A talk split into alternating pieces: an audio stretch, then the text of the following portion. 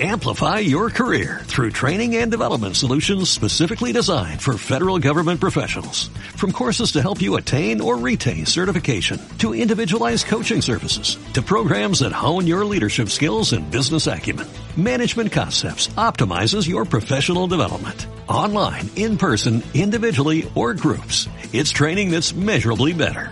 Learn more at managementconcepts.com. That's managementconcepts.com.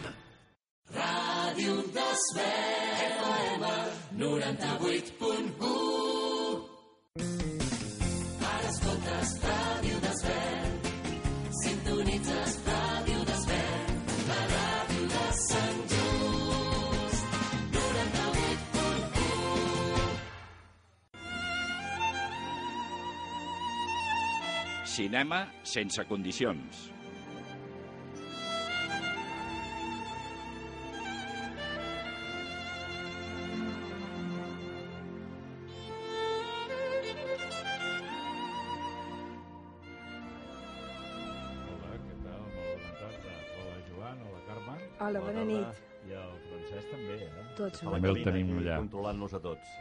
Avui eh, aquesta música em sona d'una manera molt més... eh, Entranyable, Molt, molt perquè més has vist el- entranyable, perquè vaig veure fa molt poc, La pel·lícula. sí, la pel·lícula Candilejas, Candilejas. I la veritat és que em vaig quedar bocabadat, eh? Més que amb el Gran Dictador, més que perquè sí? van fer una sèrie, sí, Van fer van una fer sèrie, sí. tot, una, tot un seguit de pel·lícules Del- del, del Charles Charlot, de Chaplin. l'època parlada, vull dir, no pas la muda, i la veritat és que Candilejas és, Està un, molt bé, està molt és, un, És molt està maca. molt bé. Té aquest punt de tendresa que ella Sí. aconsegueix amb aquestes les pel·lícules parlades, Ah. que aquesta la té especialment ben Sí. elaborada. Perquè, clar, el, el Gran Dictador, ell té una altra idea en allà, que també té tendresa, el Gran Dictador, eh? Vull dir, també en té, però en aquesta especialment. Però és destacada. més social, no Sí. és tan personal aquesta, i psicològica. El seu enfoc és tendre d'entrada. I Hola. si em Hola, deixeu... Francesc, què hola, tal? Hola, Francesc. Hola, tarda, no et bon deixarem avui, no. No et deixarem em pas eh, no, no, no, no, no et t'has portat bé, no eh, t'ho amb el- mereixes. Amb els botons posats i, i ja Molt us ho fareu. Digues. No, a veure, ja que estem fent els últims programes doncs, una mica d'avançament del tema del que després parlem Sí. a, a la segona part del programa i que el programa passat doncs, va ser un tema així per la polèmica, eh? per la polèmica enriquidora i positiva, vull dir, això no hi ha cap mena de dubte, doncs aquest dia jo diria que el tema que hem escollit i que jo vaig escollir ja, ja fa un temps i que tenim allà la llista de temes, doncs és més aviat pel, pel gaudi, eh? per gaudir tots una miqueta, per anar recordant pel·lícules, per anar, doncs això, deixant volar una mica la imaginació. Eh, es tracta del tema de la caracterització al cinema, el Mhm. maquillatge i el, la, els vestits, diguéssim, a l'estuari, i llavors jo us demanaria fins i tot, de, ja dic, igual que vam fer la setmana passada, doncs que des del primer moment, amb les pel·lícules que parlem perquè les hem vist o perquè s'estrenaran ja aquest divendres vinent o perquè les hem vist a, a la cartellera, de, en, en els cinemes o a la televisió, doncs que ja anem fent una mica l'esforç o anem pensant en aquests temes, eh, de com afecten a, a la impressió que ens deixen aquestes històries, aquests fets, el fet de, de, del maquillatge, de la caracterització en general del vestuari, que no és difícil imaginar doncs, la importància que té, perquè és el que nosaltres rebem de cada personatge. La manera com va vestit doncs, ens situa a l'època, la manera com va maquillat, com va doncs, la seva cara... Per bé i per malament, perquè si amb això Sí, correcte. eh, es serra, la, la veritat és que la pel·lícula perd automàticament Força. sense fer quasi res. Eh, Però la en principi pel·lícula. la idea, mirant-ho des d'un punt de vista simplement creatiu, doncs és que el maquillatge Uh, igual que, bueno, el, el, diguéssim que el vestuari ens situa en l'època, per dir-ho d'alguna manera, Sí, però- i en els canvis d'humor fins i tot del personatge. I el Però cada maquillatge personatge vesteix d'una manera manera. Vull dir, li agraden unes coses i que pot, són anar, i diferents. pot anar eh? variant eh, al llarg de la pel·lícula i pot no ser realista ni tan sols, però bueno, això ja ho anirem detallant, però si us sembla, doncs mira, jo us demano ja que aquest esforç i després ja a la segona part, si ens queden 10 minuts, un quart d'hora o mitja hora, Ja. doncs ja ho detallem i aprofundim una mica, una mica més amb el fet. Està. Aquest és el pròleg que volia fer aquest tema d'avui. Està així perquè que fem ens una pel·lícula cadascú. Jo començo Vinga, per la que he vist aquest matí, que té molta... Jo penso Que no l'hem vista ni el que, Jaume que ni no l'ha jo, vista eh? ningú, Sí perquè... que només l'ha vista eh, només l'he vista jo. I l'estrenen el divendres. A més a més, han avançat eh, l'estrena perquè és el festival de, el premi de l'últim festival de, de Màlaga. Ha guanyat com a millor pel·lícula, eh, com a millor guió, i a més a més els dos actors que eh, hi ha l'Aina Clotet i l'Àlex Monet, que no sé si us recordeu que és el nano que feia pulseres vermelles i que sí. després ha fet... Ah, sí, sí, sí. sí. Rec, Rec 3, em sembla que també sortia, sortia sí. Ja has vist Los Niños Salvajes. Los Niños oh, Salvajes, Quina sí. sort que tens. I l'estrena el divendres i penso que és una pel·lícula interessant. És a dir, Eh, de la Patricia Ferreira. La Patricia Ferreira, sí senyor. És un... Jo la Patricia Ferreira haig de confessar d'entrada que no la conec massa, de les tres o quatre pel·lícules que em sonaven més, jo, per exemple, la, la penúltima, que és Para que no me olvides, no l'he vista. Aquesta la tinc aquí parlat... a, la, a la bossa d'una biblioteca de la Diputació per veure-la aquesta nit. Sé doncs... quién eres, és la primera no que va fer sé com a llargmetratge. Sí que em, em va agradar i la vaig una veure. Una delícia Aquest... de pel·lícula, sí, una em va agradar molt, sobretot al final, quan ja l'efecte de que te'n dones compte que allò està relacionat amb el terrorisme basc, amb, el, amb l'ETA, sí. eh, un, un efecte sorpresa que no t'esperes en tota la pel·lícula i em va agradar moltíssim. El alquimista impacient, no també una pel·lícula no vista, molt curiosa. No l'he vista, ni sobre... impaciente ni, la, ni, la, ni aquesta, ni Para que no me olvides. Tu les has vistes? Eh, la de Para que no me olvides la tinc pendent de veure-la, avui mateix segurament la veuré, i la de l'alquimista impaciente molt, molt interessant. També és una directora que sempre està molt eh, preocupada per les qüestions socials, diguéssim, però sí. ho fa amb un amb una tècnica narrativa i amb una sensibilitat molt, molt especial. Sí, és una directora és madrilenya, però sí. que està fincada ah, a Galícia. Jo pensava que era... No, treballa a Barcelona, bàsicament. I a Barcelona també, sí. Últimament sí, no sí, sé sí, per què. Això, pensava que era d'aquí, jo. No, no, és, és de Madrid. Mm. Té raó ell. És de, jo he mirat i és sí, de Madrid. Sí. Uh, el que m'ha sorprès és que en les últimes pel·lícules que va treballar més amb actors catalans, pràcticament la pel·lícula aquesta, Els nens, eh, els nens salvatges, que està rodada, almenys la versió que ens han passat era en català, català i castellà barrejat, però predominava més el català que el castellà, per tant vol dir que l'han rodat en català. Tots els actors són catalans, i a més a més... Distinto Films, perdona, és la productora que està aquí a Barcelona, a prop de la Via Laietana, i, i TV3 també ha participat. Sí, sí, TV3 ha participat. producció catalana. Per això aquesta nit, d'aquí. Aquesta, sí, sí. Aquest matí, sí. quan hem sortit, ens han entrevistat els de TV3, pues, igual sortim en algun programa, no sé quin programa, perquè ens han demanat l'opinió, Uh, i, bueno, i, i suposo que TV3 l'està recolzant, perquè ahir la tarda i la nit, doncs, bueno, la tarda no, i la, i la nit, li van fer una entrevista al Canal 33, tant a la Patricia Ferreira com a la Aina Clotet, que jo, per cert, vaig veure a la part final. Eh? Uh, I per això tenia també ganes de veure la pel·lícula, i perquè em va suposar que podia ser molt interessant. El que potser m'ha destacat més de tota la pel·lícula, d'aquests actors catalans, sobretot joves, perquè és una història de nanos que estan fent a, a l'institut, és a dir, representen tenir 11 o 12 o 13 anys, no crec que en tinguin més eh, eh, el que representen, eh, és extraordinari. És a dir, han agafat a la nena de pa negre, que en aquest moment ja ha passat un o dos anys i l'escena està més grandeta, i han agafat el nano de pulseres vermelles, que, eh, que era una, un gran actor, i aquí ho demostra. Ah, perquè... Pulseres vermelles ja era boníssim. Era boni... eh? Bueno, la, la era pel·lícula boníssim. suposo que sabeu que la, la, la sèrie aquesta televisiva l'ha comprat a l'Spielberg. L'Spielberg, sí, sí. L'ha comprat a l'Spielberg per fer una sèrie televisiva, Sí, ella, l'americana. Ja estem. Que, ja, sí, ja ho, sento, a ho, sento, ho sento, Francesc, Sí, perquè sí, tu sí. es, et greu, quedaràs molt dolgut. Però l'Spielberg veurem què en fa d'això. No, no ho desestimis. No, no, no, no. Ell pot fer coses també que, que tinguin eh, un estil determinat. Ell té una certa personalitat quan agafa un tema. Això no li pots negar. Jo agafaria el que, Tot i que a mi, el, el tot i que que ha a mi em fet l'Albert Espinosa por... eh, i ho subtitularia allà i ho posaria allà i ja Bé, està. no, això no ho pots fer. No cap problema. Cap americà ho pot fer, ja ho saps. Bueno, en qualsevol cas, en qualsevol cas, la pel·lícula va de tres nanos eh, que diuen que són salvatges perquè eh, doncs, són gent que conflictiva dintre de la- de l'institut on estan. Es mostra molt doncs, la vida interior d'aquest institut, per tant és una nova, una nova pel·lícula que podíem posar dintre d'aquesta llista que hem fet els, dies, els darrers dies de pel·lícules que tractin el tema de l'educació. Sí. amb una, amb una Aina Clotet que fa, diríem, de, de psicòloga doncs, o assessora, que ho fa molt bé, i l'han premiat a, a Màlaga, igual que l'han premiat també a l'Àlex Moner. I han premiat també la pel·lícula i el guió. Llavors, eh, a veure, eh, jo trobo que potser, mm, a mi, personalment, em falla una mica potser alguna part del final, però que en conjunt és una extraordinària pel·lícula. És a dir, sobretot a nivell interpretatiu dels, dels, els, dels actors, que són tots coneguts catalans, de sèries televisives d'aquí o, de, de, o de pel·lícules d'aquí, eh, que surten, que fan de professors o fan de pares, surt molta gent, eh? Surt la, la Montse Germán, la Emma Viladasau, l'Anna Fernández, la que sortia a soles, la Clara Segura, una actriu superconeguda. De Sant Just. Eh, la, la Sant Just, l'Aina Clotet, la Marina, Sant- la Marina Comas, que és aquesta de pa negra, la nena, que, i després l'Àlex Moret. Per tant, i més, hi ha- més gent coneguda, eh, que jo t'he cito només els més principals.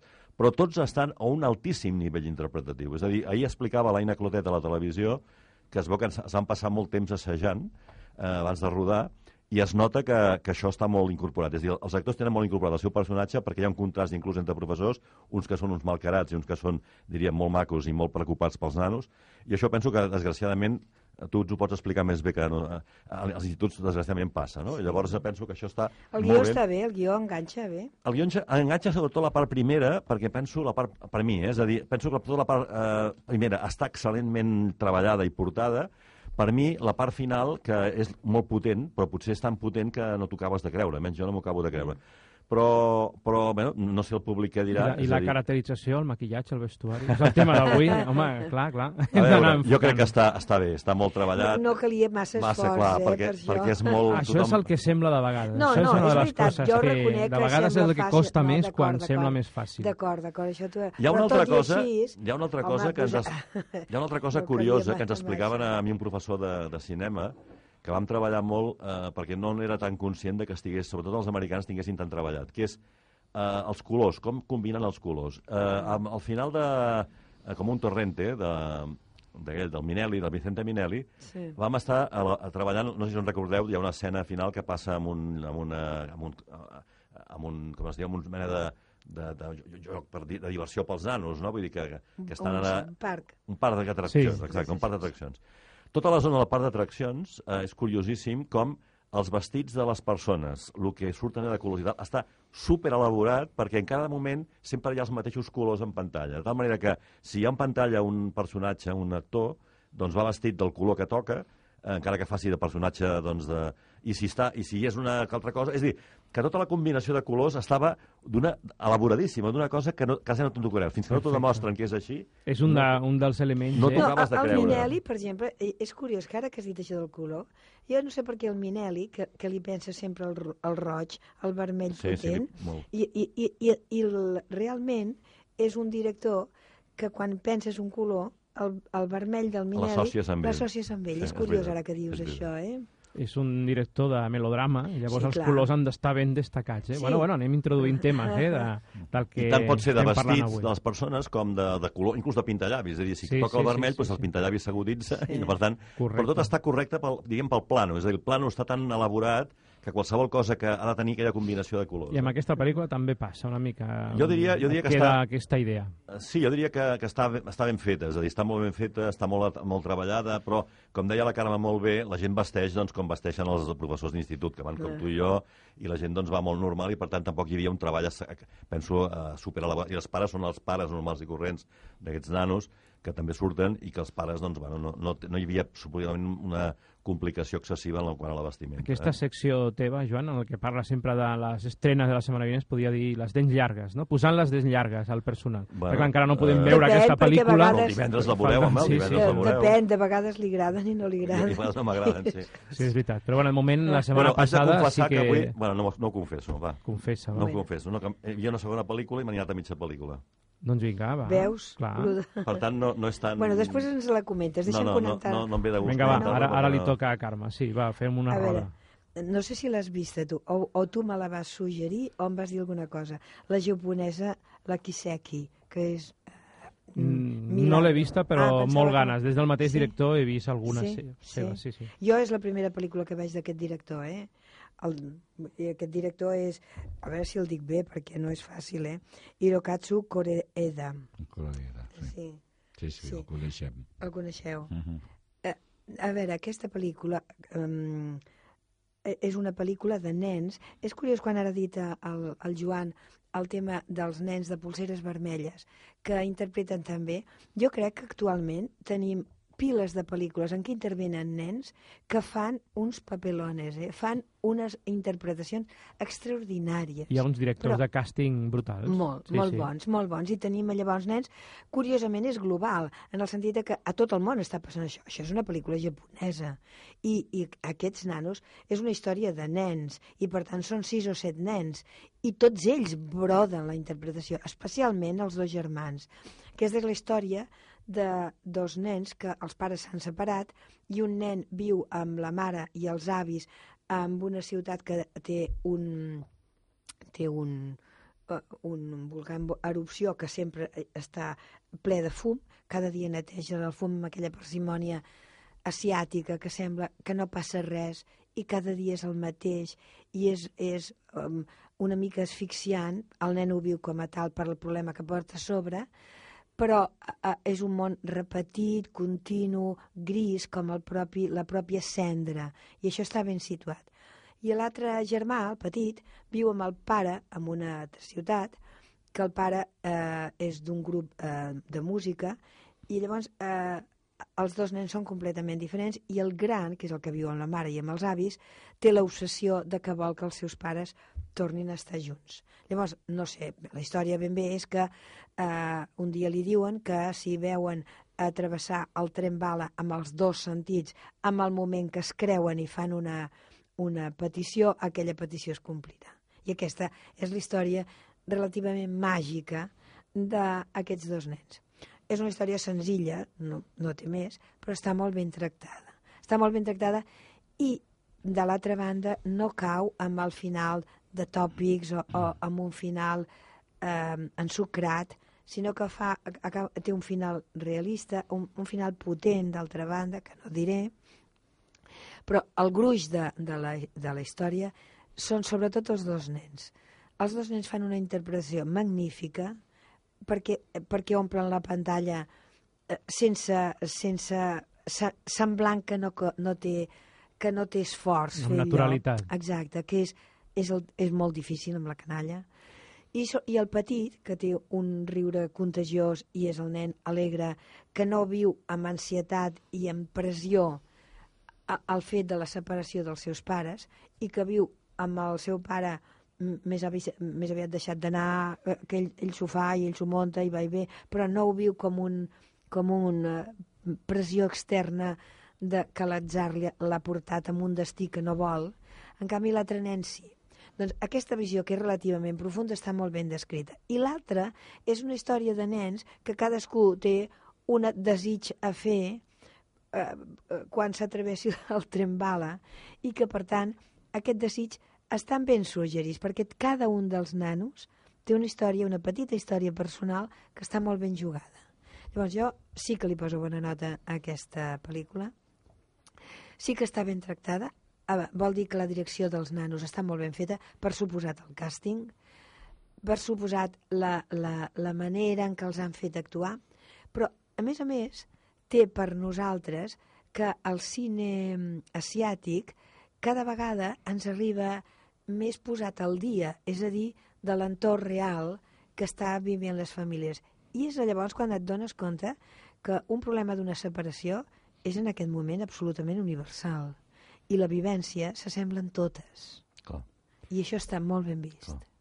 Per tant, jo, Perquè en en el fons principi... sempre dones compte que, Sí. que tot i que en cultures diferents, els Sí. homes eh, i les dones I la canalla. som a tot, i la canalla i som a tot arreu més o menys senten iguals. coses semblants, di exacte, dintre de la seva eh, Cultura, però, cultura, però que no hi ha masses diferències. Eh? el seu perfil, perquè el- el perfil és diferent, però a mi, això a mi, per exemple, una cosa que molt m'ho bé. feia pensar molt era la pel·lícula que hi ha Denis Samino, Una separació, si no el recordeu. Ah, sí, la que va la, guanyar la nena, l'Òscar. la que va guanyar l'Òscar, la nena, Molt bé, penses, molt bé, bueno, aquella nena. que ho feia perfecte, Molt bé, penses, molt bé. és que a, a mi em feia vivenciar el, el problema d'un possible nano, fos d'allà, fos d'aquí, fos de França, Clar, i a l'Iran. d'Itàlia, d'on fos, Exacte. que és el mateix, deies, una nena, un nano d'aquí, de la mateixa problemàtica, viuria exactament el mateix que vivia en aquella pel·lícula. Jo I amb, sé, I amb una vivència d'ansietat i de, i, de, i, i, i de carregar amb un problema que no és seu, que no cal que sigui seu, però que fa seu perquè eh, ella pensa que té alguna solució a aportar i això li fa donar una vivència específica que jo crec que, que és, això sí que és universal. No importa que passi a l'Iran o, o, o passi a, a, a París o passi a, a qualsevol ciutat del món. El problema és profund i, i similar. Jo, eh, sense ganes de polemitzar, eh, però Digue'm. sí per enriquir doncs, eh, amb diferents punts de vista, potser no tant de l'actualitat, sinó d'altres èpoques, jo recordo molt bé els anys 70 que si exactament haguéssim fet eh, i valorat una pel·lícula com tu acabes de fer, doncs haguéssim posat, eh, li haguéssim posat el cartell de conservadora. En definitiva, Sí. defensora dels matrimonis que no se separin i, en definitiva, doncs, eh, perquè, esclar, perquè els fills pateixen, no? Sí. Llavors, jo el, el que he observat amb tot el que acabes d'explicar d'aquesta pel·lícula és com si en aquests moments tenint clar que això passava en aquella època, i Sí. això ho recordaràs també tu com sí, jo, clar, tothom. doncs en aquest moment doncs sembla que tornem una mica a la defensa Però, bueno, si No, la no, veus... no, No, no, perquè no la és solució la de la defensa, pel·lícula no, és no, aquesta. no. Eh? Justament, al final, que podria ser què? Clar, no és Al aquest. final és un final completament obert Clar. i completament Sí. eh, nou. No, Sí. no, no és aquest final que, que suggeriries. És que jo diria, jo diria Ja- Jaume, Ni que el que passa és el següent. eh? Ni sí. tan Jo diria que el que passa és el següent, i és que en aquella època era com, com conservador en alguna mesura, i en aquest moment la gent ha acceptat que el fenomen de la separació és un fet que es produeix, no com a llavors que era una raresa, avui es I produeix que s'amagava. i que s'amagava, sinó que ara és una, un fet que, que es produeix i llavors segueix generant problemes. Llavors Clar. jo penso que s'accepta perquè és un fet eh, quotidià, en el fons, quotidià, perquè hi pot haver-hi 40%. I general. I general, I- i, tot arreu, però a la vegada eh, no, no s'òbvia que genera problemes. I Clar. els problemes que genera sí que segurament són els mateixos, però jo no vol, no, això no vol dir que es, que es vulgui dir que no, no, s'ha- la gent no s'ha de separar, perquè en definitiva No. la gent se segueix separant. Eh? No. Recordo una cosa que vaig dir la setmana passada sobre una pel·lícula que vaig veure, que és Les nieves del Ah, Kilimanjaro. què sí. tal? I llavors, bueno, precisament, ara, ara t'ho dic. Vale, bé, vale. bé. Una de les virtuts que crec jo que té aquesta pel·lícula és precisament obviar el patiment dels propis fills davant d'una situació de conflicte que tenen com a matrimoni tant el, tant el matrimoni protagonista com uns amics d'ell, que també és un matrimoni que pateix les conseqüències d'un fet que, eh, bueno, que els hi provoca un trastorn, no? Vull dir, un trastorn encara que sigui puntual.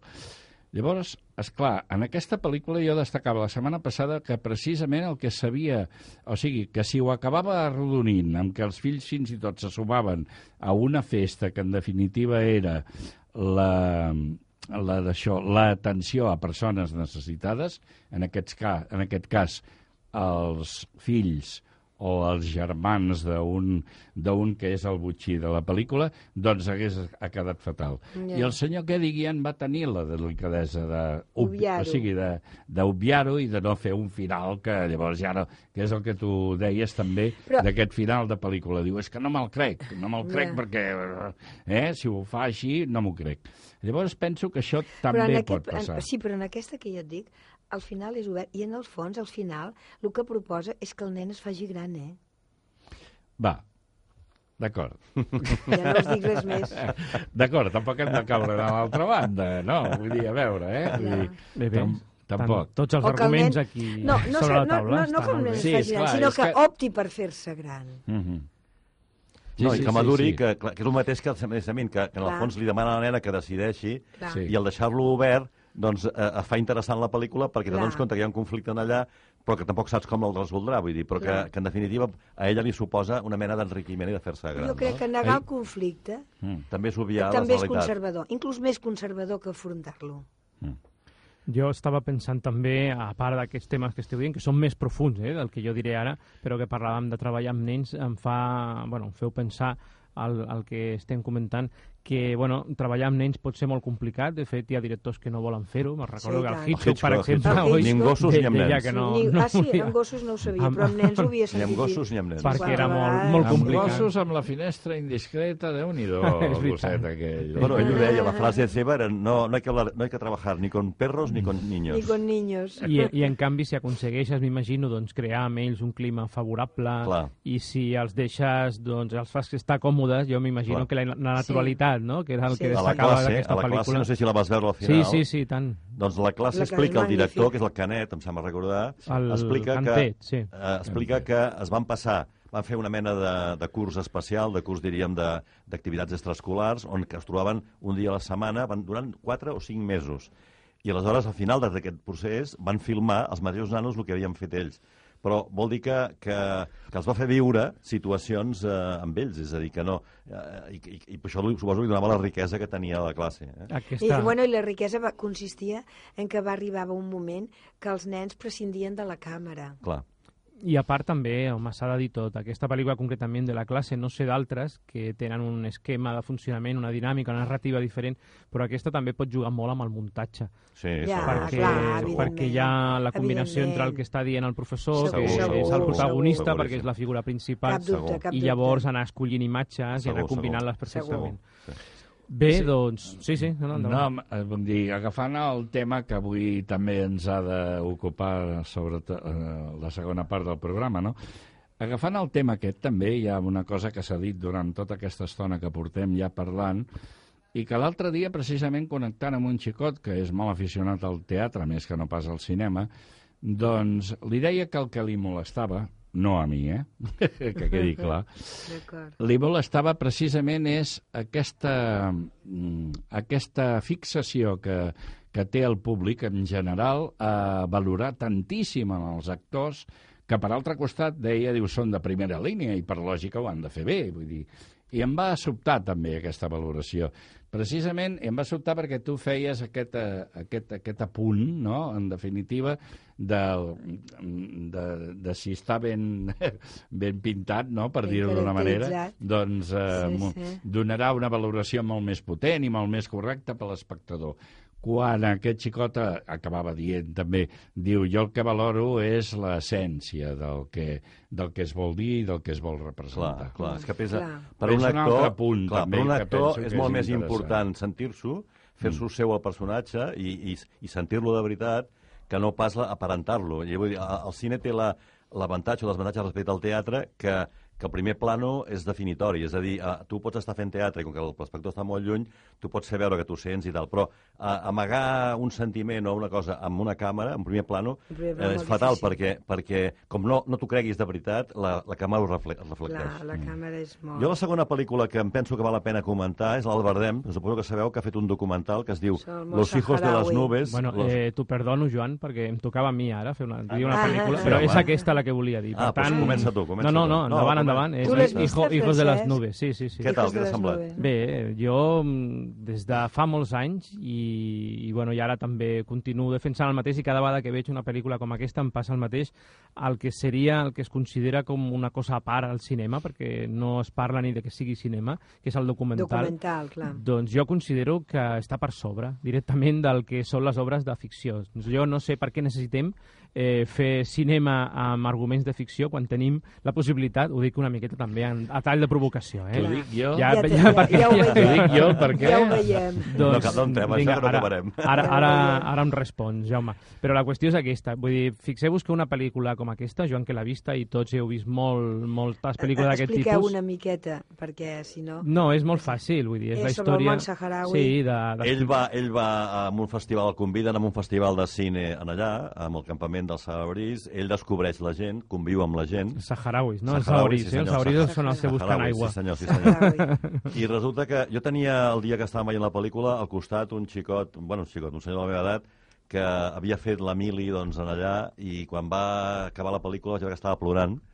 i li vaig preguntar, vull dir, doncs, què és boqueta? Diu, perquè eh, em fa un dolor tan gran la marranada que els està fent en aquesta gent. Jo vaig estar vivint allà, vaig estar convivint allà i són una gent deliciosa, encantadora, que hi havia una convivència perfecta amb els espanyols i que tot això s'ha destruït. Llavors, eh, jo crec que el, el, el Bardem, que el trobo molt honest i crec que la pel·lícula reflecteix que se l'ha jugat una certa mesura i que, i que el de ser una figura o un mite o digue-li com vulguis, ell passa d'això i va fer una cosa que ell creu que, que els ha de defensar, s'imposa doncs, a arribar a les Nacions Unides i finalment arriba a les Nacions Unides a presentar una mena de reclamació a favor d'aquest poble. No? És que no hi ha ningú, no hi ha ningú a les Nacions Unides Que que, parli, que parli, no que el recolzi, Que sinó parli que parli tema. per aquest poble, perquè no és una nació.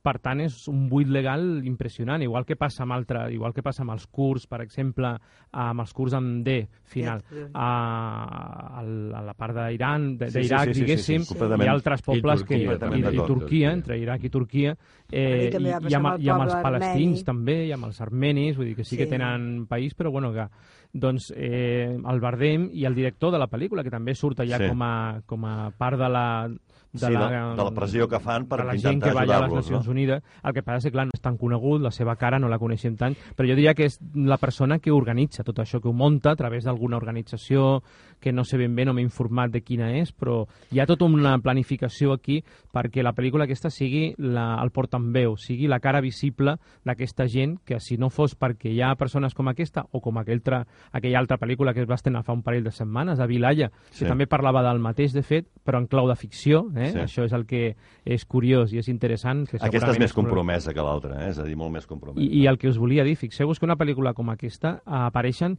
60 persones fent declaracions. Vull dir, hi ha 60 actors, d'alguna manera, en aquesta pel·lícula, a més a més que són experts sobre el tema, per tant, mm, són gent que parla amb una eh, un coneixement de causa, amb una sabidoria, diguéssim, que ens aporta molt més Sí, senyor. moltes vegades, i això ho estic dient per comparar eh, les pel·lícules documentals de les pel·lícules de ficció, amb molta més eh, capacitat per convèncer-nos, per informar-nos del que pot fer un actor que moltes vegades no té ni idea del que va al tema, sinó que agafa un guió, ho fa seu o no, i ho explica doncs, amb, a través del seu personatge. En canvi, aquí tothom que parla doncs, ho fa amb aquesta capacitat ja que ha anat adquirint al llarg del temps de documentar-se, d'estar fins i tot doncs, eh, eh, bueno, dedicat a aquest tema i, i involucrat fins i tot.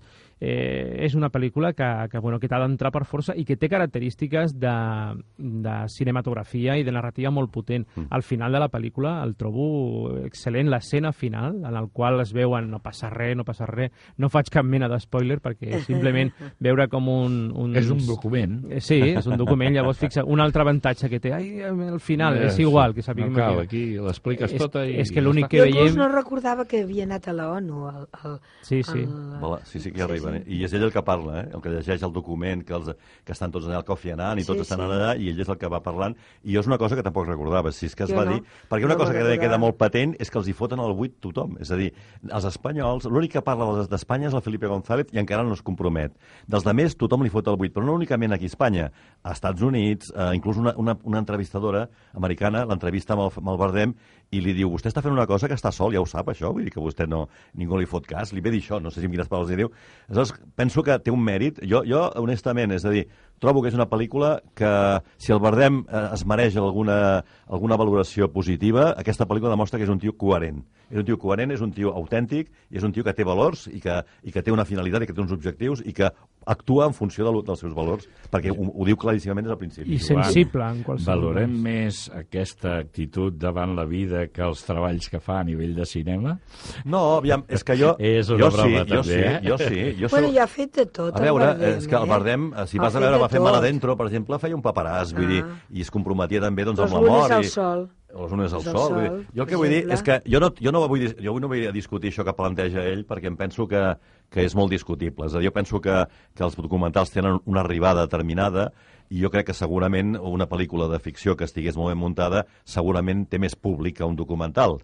Eh, I, per tant, segurament quan tu a la, a la gent fa, acaba fent ficció ho fa perquè té més audiència o perquè pot arribar sí. més lluny, no? Sí, Però no vol, dir, no vol dir... Jo entenc que el que diu ell és que, clar, una cosa és el documental, eh, que, que t'explica un compromís, i, i l'altra cosa és una ficció que, en definitiva, amb la ficció pots inventar el que vulguis, veritats i mentides. Tot i així amb això que diu el Francesc, que, que ja ho sé que ho diu per, provo- per provocar, No, però per fer reflexionar no, també, ja ho sé, eh, no ja ho sé. No, ho sé. la Deixa'm acabar-te de dir no. el que eh, tu dius, eh, que ja hi ha eh, problemes reals que només cal posar la càmera i escoltar per mm, molt superior a qualsevol ficció.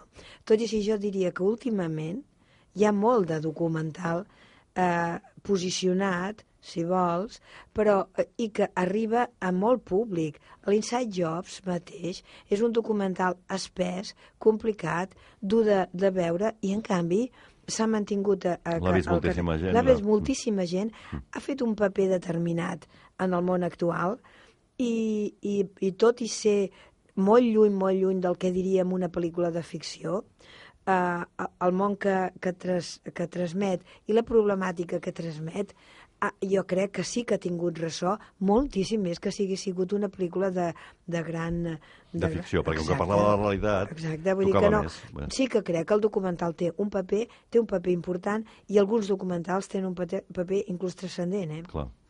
Hi ha una pel·lícula, ja que tu parlaves d'això de la ficció, com representaries tu, i, i que ho fa extraordinàriament bé, aquella pel·lícula de la Ingmar Bergman, Crits i murmolls, com ho representaries tot allò? Ha de ser amb una ficció, vull dir, amb un document no hi ha possibilitat de reflectir tot aquell tots aquells neguits, tota aquella connexió entre la vida i la mort i què és el patiment i els neguits que genera. Llavors, a veure, eh? Vull dir, volies contestació, doncs ja... Bé, això no, ara estàs fent de gallec. Això no és una contestació, sinó una altra pregunta, però ho trobo molt, molt interessant. Molt bé. No, home, el que passa és que sí que és veritat i ara ja jo passo a donar resposta a la meva pròpia pregunta a través de la teva eh, doble manera de, de contestar, doncs jo diria que és que no hi ha mm, cap mena de separació entre la realitat i la ficció. Vull dir, tot pot ser, un documental pot ser més eh, punyent i pot arribar més lluny, depèn de com estigui fet, si està Clar. fet amb una característica també de... de Intenció. amb una intencionalitat i amb una Intenció. característica de, de donar aquesta, aquesta possibilitat d'interioritzar i d'arribar lluny a l'espectador i una pel·lícula de ficció el mateix. Vull dir, una pel·lícula que et parli de somnis, per exemple, el que va fer l'Akira Kurosawa, no, té, no està fent res més sinó que parlar de tot el que ell havia viscut amb la seva pel·lícula dels somnis, si recordeu, doncs de tot el que havia Mm. De viscut. Kurosawa. Sí, del Kurosawa, per exemple.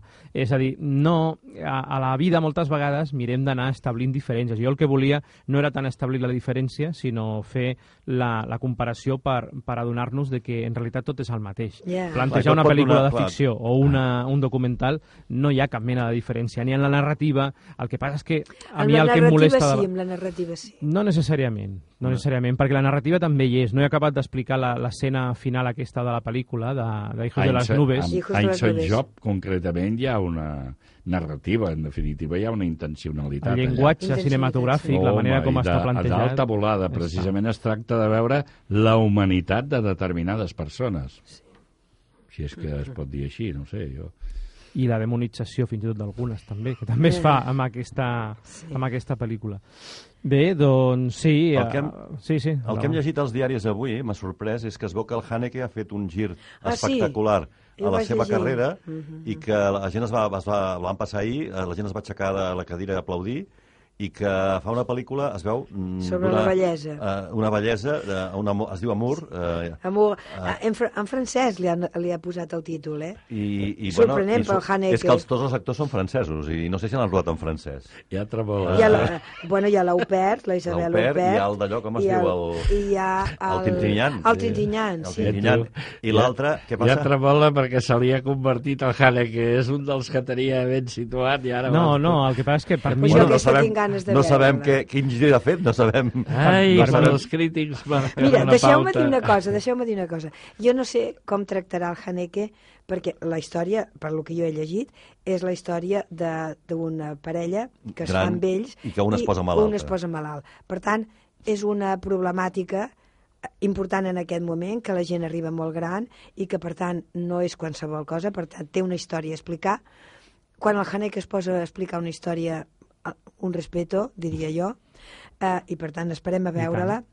No, no, Però, no, per suposar. T'ho dic, perquè jo que he vist eh, tres veces 20 anys, Ah. que us ho dic perquè aqu a, a, a, um, aquest eh, és una, És eh, la és una pel·lícula... Costa Gabres, la no? filla del Costa Gabres. Eh, bueno, doncs perquè és la filla del Costa Gabres, però, i perquè ho fa la Isabella Rossellini, la filla de la In- In- Ingrid Ingrid Bergman, Bergman. i el, i, el, i el que sí que ho fa molt bé, el que sí que ho fa molt bé és, espera que me'n recordi, el William Hurt Sí. Mm. No. eh, que ho fa molt bé. Jo crec que salva la pel·lícula ell, perquè ho fa molt bé. És una pel·lícula sobre eh, eh, una parella que es fa gran, però a mi em sembla completament desenfocada. Banal, eh, poc profunda, eh, té algun, la Isabel Rossellini hi ha algun moment que el físic sí que el dona i la manera de, de tractar els primers planos no estan malament, però la història en si cau. Vull dir que jo vull esperar el Haneke a veure si va una història sobre la de bellesa que me la pugui creure. Aquesta no me la crec. Parlant d'històries sobre, sobre Compte que nosaltres som bellesa, grans, eh, Carme, i Sí, tenim doncs, una raó versió... de més. Raó de més. per poder Per jutjar. poder jutjar, no? T'aviso, eh? No, a veure, Per ja... això puc jutjar, i aquesta jo crec que és absolutament banal. Perquè està Aquella feta- banalitat francesa que llavors que el Haneke o quan ho fa la Isabel Huppert, per mi deixa de ser banal mm, quan aquesta gent entra, entra en escena. No, no, no hi ha possibilitat de la banalitat. En canvi, aquesta és una pel·lícula banal que vol, a sobre banal, que vol tractar un tema profund. A mi no m'importa que sigui banal una pel·lícula. No hi tinc res a dir sobre la banalitat. Si és un tema banal, però si pretenen ser un tema profund i ho, i, i ho planteja amb banalitat, llavors li haig de dir que no. Però està feta per un públic també molt determinat, per una sèrie de persones que, que no aniran a aprofundir eh, precisament, sinó que mirar, miraran de treure-li transcendència al tema. No sé, una Sí. miqueta potser com aquesta de l'Hotel Maringol, Sí, aquesta, molt. jo diria que va per aquí, eh, el, el que fa. No l'he Pel·lícules vista, que no no... l'he vista, no l'he bueno, vista. Pel, No jo vist tampoc, aquesta, però no pel que vista. la gent està dient i això, doncs Ja. són pel·lícules... És una comèdia, que, aquella, que, exacte. que vol Ah, jo diria que aquesta, que és una comèdia, i en pla de comèdia hagués sigut més encertada, i després que de guió deu estar millor. Deu ser, jo, per lo que jo sé, és una pel·lícula més, més cor coral, Sí. per tant entre més personatges, i llavors eh, la història o es desdibuixa o es reafirma. Però aquesta no n'és, aquesta se centra en dues persones de les quals vol explicar alguna cosa important, i això és més pretensiós, eh? Les dones, una miqueta amb una característica diferent de, de l'anàlisi que tu estàs fent, surten força contentes de la pel·lícula. Amb les De persones quina? que jo he anat a veure, tres? amb Sí? aquesta de tres... Ah, Eh, com tres es diu? veces 20 Tres, anys. Tres veces 20 vegades anys. 20 anys. Ho sento. Surten no, no, contentes. no, idea. perquè, bueno. és ella la que al cap i a la fi doncs, aconsegueix mm, eh, tenir una preponderància per sobre del marit ella d'alguna quan- forma i, No, i no és ho la que sé. acaba aconseguint viure doncs, el, la, la seva eh, feminitat, per dir-ho així, d'una manera més plena. Bueno, és, és un anàlisi segurament superficial, però, però arriba, arriba a molta gent. És una pel·lícula canvi, molt, trobo molt enfocada cap a un públic. Perquè, segurament perquè és millor actor el, el, el William Hart. William William Hart. Hart. Jo penso que, que és millor actor i llavors li dona una profunditat, inclús a la seva pròpia mirada. Mm. Eh, però bueno, no ho veig així, no hi tinc res a dir, potser sí que... Hi ha una altra jo, història, això, tinc d'aquestes de la tercera diferent. edat, si us en recordeu, d'un director que, igual que el Michael Haneke, ha fet ara aquest canvi, sembla ser, doncs també ho va fer el David Lynch, un canvi immens per parlar de la bellesa també, de, de la tercera sí. edat, Història. amb Ja una me'n història recordo. verdadera. Sí, sí. I la aquesta pel·lícula dona. és aquelles Sí. indiscutibles, eh? sí, perquè... però aquella est estava millor de guió, millor d'interpretació i d'ubicació. Sí, sí, sí. No, però me'n refereixo perquè suposo que el Haneke doncs, també ha anat una miqueta per aquí. Bueno, ja de veurem, totes maneres, ja el veurem. Haneke... No, no jutgem encara. Sí, eh? jo de seguida jutjo, no, No hi ha cap problema. No, més que res perquè jo crec que el canvi ell ja, ja ho ha fet ja ho va fer amb la pel·lícula de Cinta Blanca. Va fer una cosa diferent, eh, podia correspondre una miqueta amb el seu tipus de cinema, però va voler fer massa, eh, ja ho vaig explicar en el seu moment i ho torno Sí, a explicar, sí, una pel·lícula massa eh, al gust del que serien els crítics de cinema clàssic i a, a un homenatge al que era doncs, bueno, un cinema que d'alguna forma ja s'havia fet, una història que ja s'havia explicat. Ara que jo ho va fer de meravella, eh? Exacte. I això no Quan una cosa ho fas tan bé, eh, malgrat que puguis dir que la temàtica no seria la que tu triaries, t'has de treure el barret, eh? No la temàtica, no la temàtica, sinó... ah, però tu per què deies? El format. Eh, sí, sí, sí, format. perquè tot el que ell havia parlat des de, D'acord. bueno, per totes les històries, no? Sí, sí, Només sí, hem de sí. pensar una miqueta moltes de les seves pel·lícules, doncs ho feia amb una correspondència perfecta entre el que volia explicar, la forma, l'aprofundiment, i a més a més ho feia amb una mirada personal. Aquesta pel·lícula, en canvi, Exacte, ell sí. es desentén de la seva mirada eh, de- d'antropòleg, eh, de, de doctor en Sí. filosofia, austríac, i llavors decideix doncs, agafar les claus d'un determinat cinema per guanyar-se el favor d'una sèrie de persones. I a mi això, mira, què això- voleu que us digui? Ja sabeu que és una opinió que Ja. jo estic posant sí, i que no sobre la taula moltes I vegades. que no compartim, ja ho Per sé. puntualitzar d'aquest coses, a l'Hotel Marigot, l'exòtic Hotel Marigot, jo penso que un avantatge que té, que és el que potser està destacant indirectament la Carme, és que eh, tots els actors que surten són autèntics actors. Sí, Llavors, sí, sí. borden els papers, Ah. és a dir, surten tots són de, de la gent, de, ja sabeu que l'escola britànica té una, té una, diguem, unes companyies de teatre i una formació d'actors la millor del bons, món, són la millor molt del món, bons, sense sí, cap dubte. que cap diu. L'altre dia sentia un comentari del de com es diu, del de la Hermosa Lavanderia, com es diu el, Stephen Fries. el Stephen Stephen Frears, Frears. que deia que, ho deia això, deia que, que ell doncs, considera que els actors britànics són els millors actors del món per la formació que tenen degut a l'experiència teatral doncs, britànica. No? Potent, doncs, aquí, sí. aquí el que passa és que hi ha uns actors tan bons que, clar, si no et guanyen per una cosa, te guanyen per l'altra. Llavors te- se't posen a la butxaca. El teatre i el cinema, eh? sempre aquesta Sí, sí, dicotomia que sempre anem comparant i que serveix una mica per introduir un altre dels temes que ja ha sortit al llarg del programa sobre el tema d'avui, sobre la caracterització al cinema, que no té res a veure, i això ja una mica ho has introduït tu abans, Joan, el que pot ser, mm, no té res a veure, però pot tenir punts de contacte el que té a veure la caracterització al cinema amb el teatre. Amb el teatre, efectivament, nosaltres veiem doncs, els actors més aviat de lluny. Ens interessa, ens pot interessar una visió més de conjunt. Bé, potser excepte els que estiguin en primera fila, no?, veient-los... Però, bueno, en qualsevol cas no tenim mai un primer pla i no tenim aquesta sensació de que estem veient fins a l'ànima no?, de, del personatge, excepte, bueno, doncs que els actors tinguin aquesta característica de vegades tan immensa de que ens ho transmeten amb la inflexió de la veu, etc.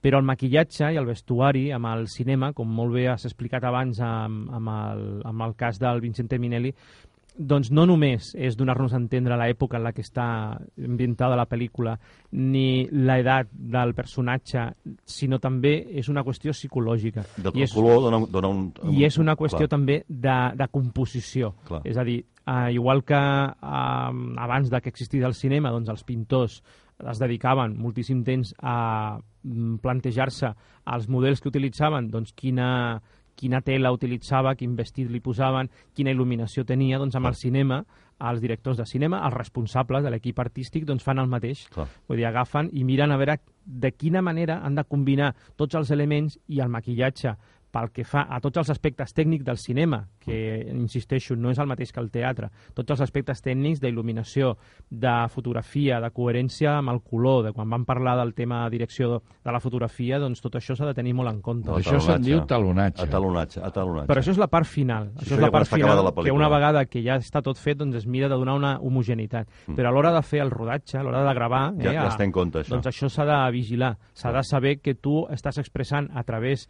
de bueno, doncs aquelles patilles que li col·loca el personatge o aquells ulls eh, una miqueta més caiguts o menys, o amb aquell cabell amb un color o amb un altre, o amb més canes o menys. Moltes vegades ens També passa... s'ha de dir que quan això serra, eh, eh, la pel·lícula, per exemple, estic pensant en aquest moment Quina? que la pel·lícula del Clint Eastwood no, no és l'Edgar eh, Sí, el... el, el- Edgar. Edgar, es deia així, sí, no? sí. La de la FBI. Sí. Home, la, la, el, el fer-se gran del company del Edgar Jo pensava, de totes maneres- és una pena no perquè està aconseguit. al meu mode d'entendre és una pel·lícula aconseguida com a actors sobretot el- l'Edgar en canvi el company d'ell perd perd per interpretació perquè jo crec que és pitjor actor de, de molt de llarg Però però, perd caracterització. per caracterització Sí, sí. Però mira, la caracterització li fa malbé inclús Sí. una possible sortida per la interpretació Però pensava una mica, quan estava pensant en aquest espai d'avui, que ara ja estem iniciant, de fet, des del començament del programa, eh, pensava precisament en aquesta pel·lícula i fins i tot és possible eh, que el Clint Eastwood, tot i que el critico tant últimament, però en aquest cas hagi volgut fer, amb aquesta caracterització, precisament una màscara, D'acord? Vull dir, creus? no, no hi ha només... Sí, perquè és que tothom, de fet, està destacant aquest tema. És que Ah. està tan clar, està tan clar que aquella caracterització que és tan penses que exagerada. no se li ha pogut escapar amb ell És que és impossible, clar, que això... Llavors, eh, segurament, eh, aquest personatge mm, està eh, traspuant, està deixant veure, està exterioritzant una de les característiques del personatge principal, que seria aquesta característica de convertir-se en una mena de monstre, a la manera de, de la història. Sí, però justament ell eh, no està... del Dorian mal- Gray. Eh? Estaríem Ah, parlant ja. fins i tot d'això, eh? Ja. com a l'exterior... el DiCaprio penso que no, no, això no li passa. exacte, li passa, en canvi, no el... li passa. Però són personatges duals, llavors és com si un també estigués mostrant a la superfície el que l'altre està, està amagant. L'altre eh, encara manté una compostura, una, mm, un aspecte més o menys eh, No, perquè és que correcte. queda com a mòmia. I, Sí, i sí, això sí, és per l'error. Perquè tant el DiCaprio com eh, la noia aquí, és la, La Nomi Bots. la Sí. Neus, eh, que mira que, eh, perquè ella és una noia molt maca i està caracteritzada, i ella quasi no la reconeixes. Mm. I quan l'envelleix, l'envelleix bé, eh, dintre del que vol explicar. I, i, I ella és una bona actriu.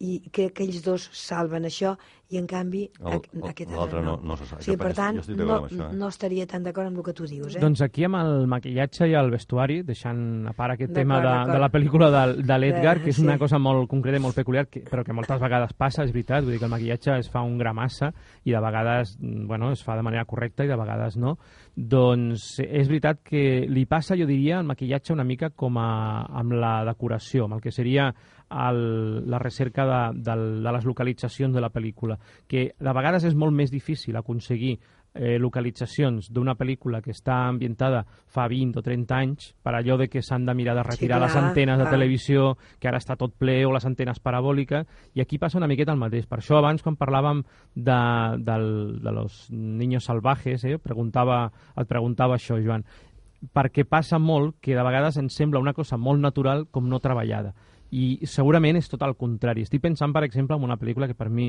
és un, no sé, un referent dintre de la meva visió del cinema i de les pel·lícules que m'han impactat molt, que és aquesta que alguna vegada he comentat de Vania en el carrer 42, de Louis Mail, en el qual el, els personatges són actors que estan interpretant, estan mirant de- d'aprendre's el paper de, de l'oncle Vania, de la- de Sí. l'obra del Chekhov Chekhov. però ho fan eh, passant per diferents teatres de Broadway, eh, que és un recorregut que fa el Louis Mail a través d'aquells teatres per fer un homenatge precisament a tot, aquella, a tot aquell muntatge no? que hi ha allà que ha tingut tota aquesta importància no? pel que és el teatre i el cinema, i els actors tota l'estona estan caracteritzats, estan vestits de carrer.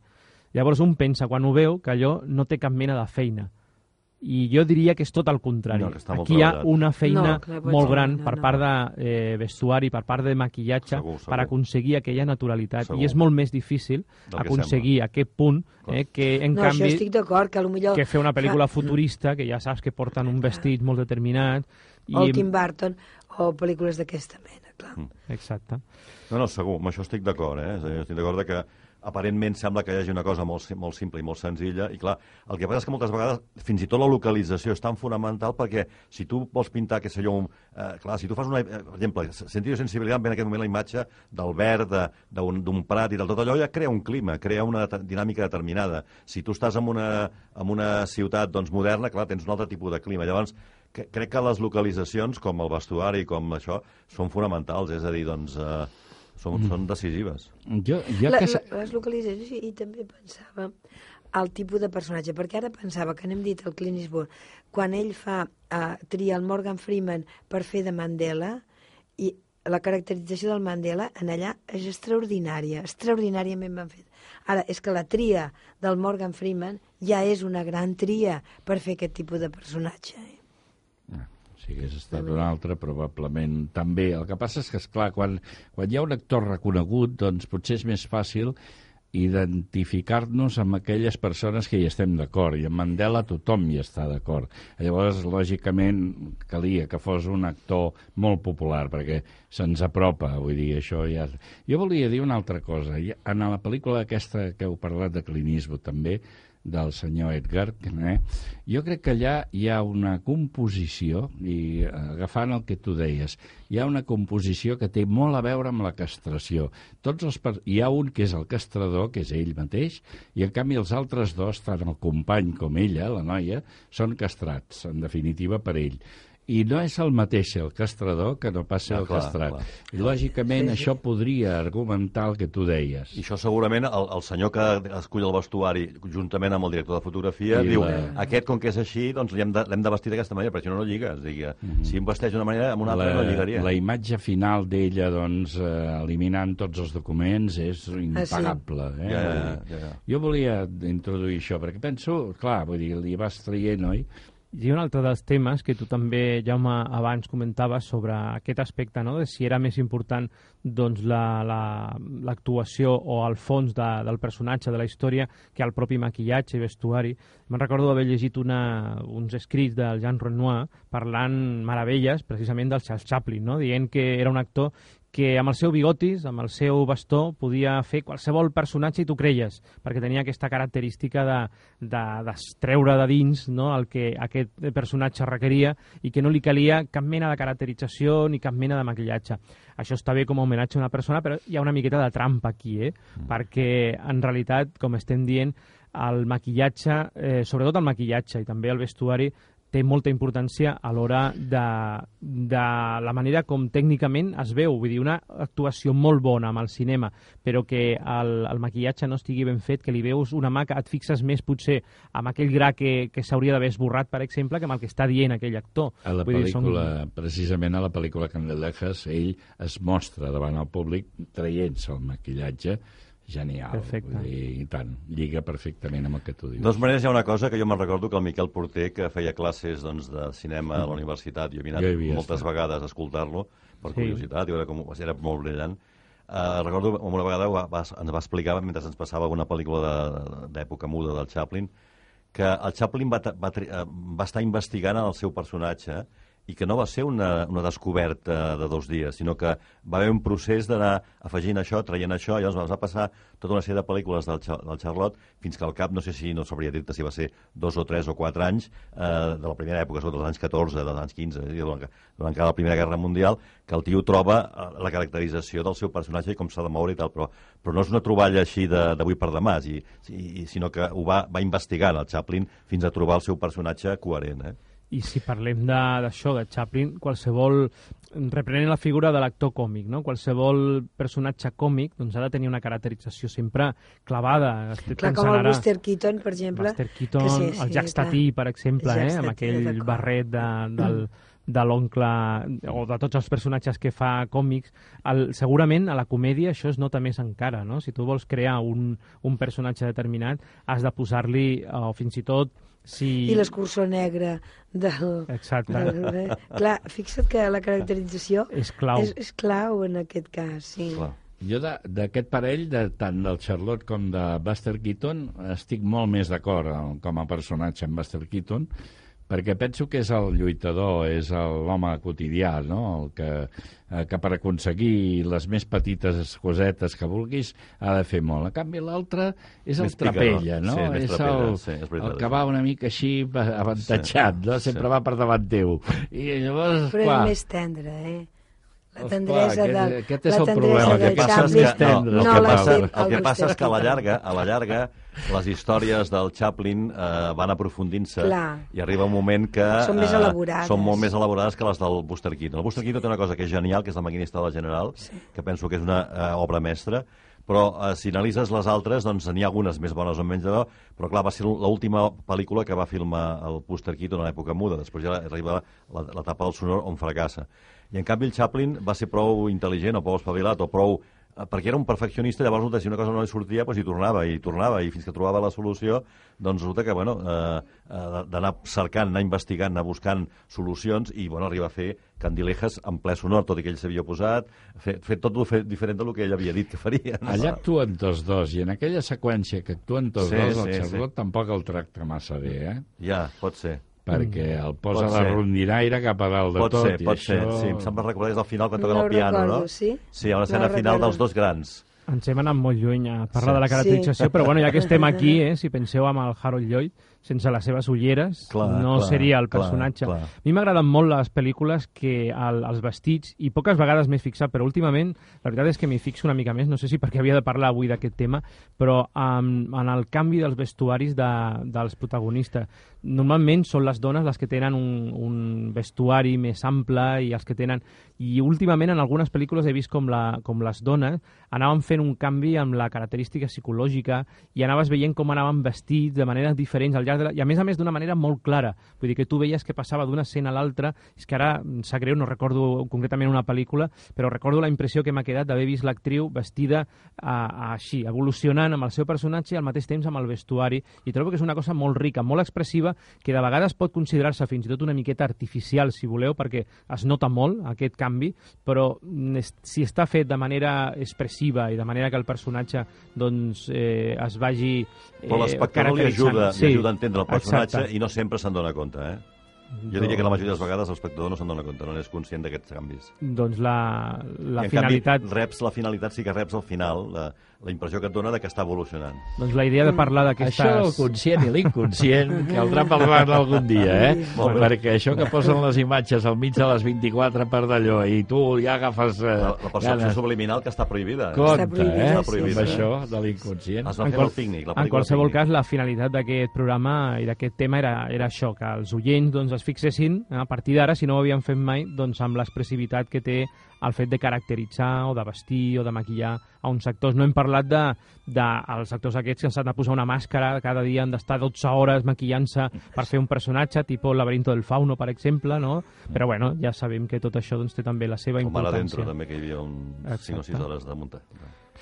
cinemasensecondicions.blogspot.com per tornar a sentir aquest programa i la setmana vinent, fa un parell de setmanes que no la tenim aquí, però esperem recuperar a Rosa Maria la setmana vinent per parlar-nos de l'evolució l'evolució de l'homosexualitat en el cinema, que és el tema de la setmana vinent. Doncs fins la setmana vinent. Fins Que la setmana vinent. Bona Bona, nit. nit.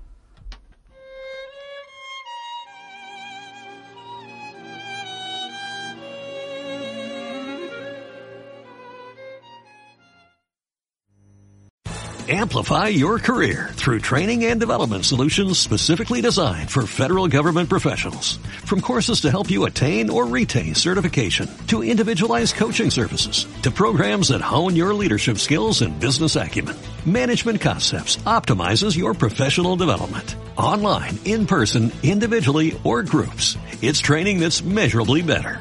Learn more at managementconcepts.com. That's managementconcepts.com.